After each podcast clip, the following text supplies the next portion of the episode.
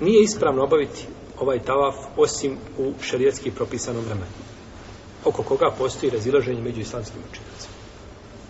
Prvo, što se tiče početka ovoga tavafa, on počinje nakon nastupa zore prvog dana Bajrama, odnosno dan Bajrama, jel?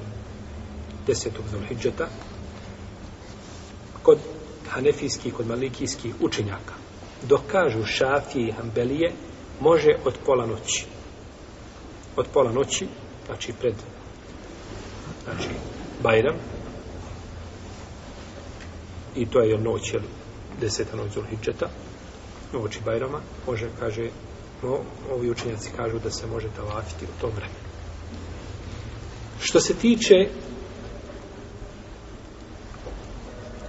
zadnjeg vremena anefijski učenjaci kažu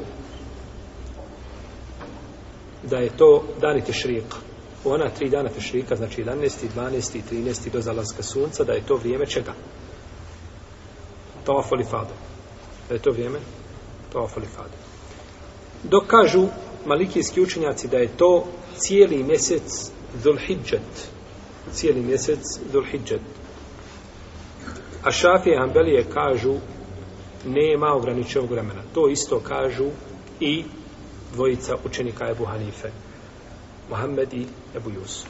Kažu nije ograničeno. Šafijski i Hanbelijski učenjaci i Ebu Jusuf i Mohamed kažu nije ograničeno. Kada god da ga obaviš u životu, ispravno. Jer ga nije šarijet šta? Ograničio vremenski. Vremenski i čovjek koji to obavi mimo dana tešrika i mimo zulhidžeta i u bilo kom vremenu nije dužan da se iskupi zbog toga. Tako kažu ovi učenjaci. To bi znači bio džumhur, stav džumhura ili većine islamskih učenjaka, zato što Hanefije i Malikije imaju podjeljena mišljenja. Hanefije kažu u prva tri dana samo, dok Malikije kaže u mjesecu Zulhidžetu.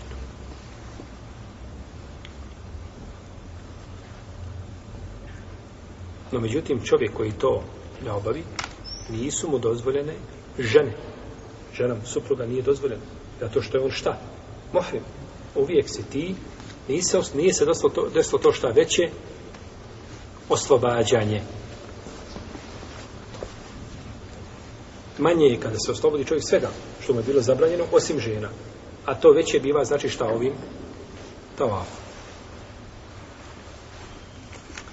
No međutim, mišljenje da ga, je, da ga nije ispravno odgađati mimo Zulhidžeta ima svoje mjesto.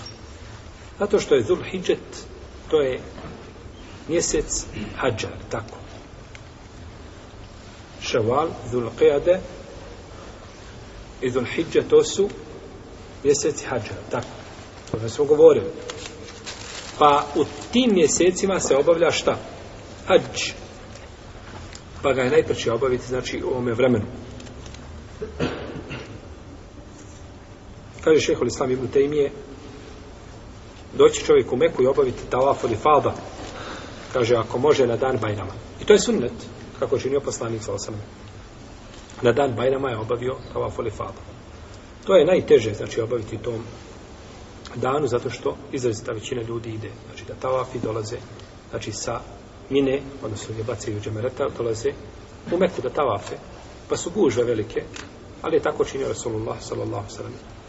Kaže, doći će to obaviti na dan e, Bajrama ako može, a ne bi ga trebao, kaže, nikako, ne bi sa njim trebao kasniti nakon dana Tešrika. Znači da ga obavio hmm. danima Tešrika, a ako ga okasni, kaže, mimo toga, onda među islamskim učenjacima ima razilaženje onda među islamskim učenjacima postoji razilažen. A nema sumnje, kao što smo kazali, da je najbolje vrijeme da se obavi ta ofalifada, prvi dan Bajram, nakon bacanja kamenčića. Bacaju se kamenčići i tek onda nakon toga ide se na tavaf.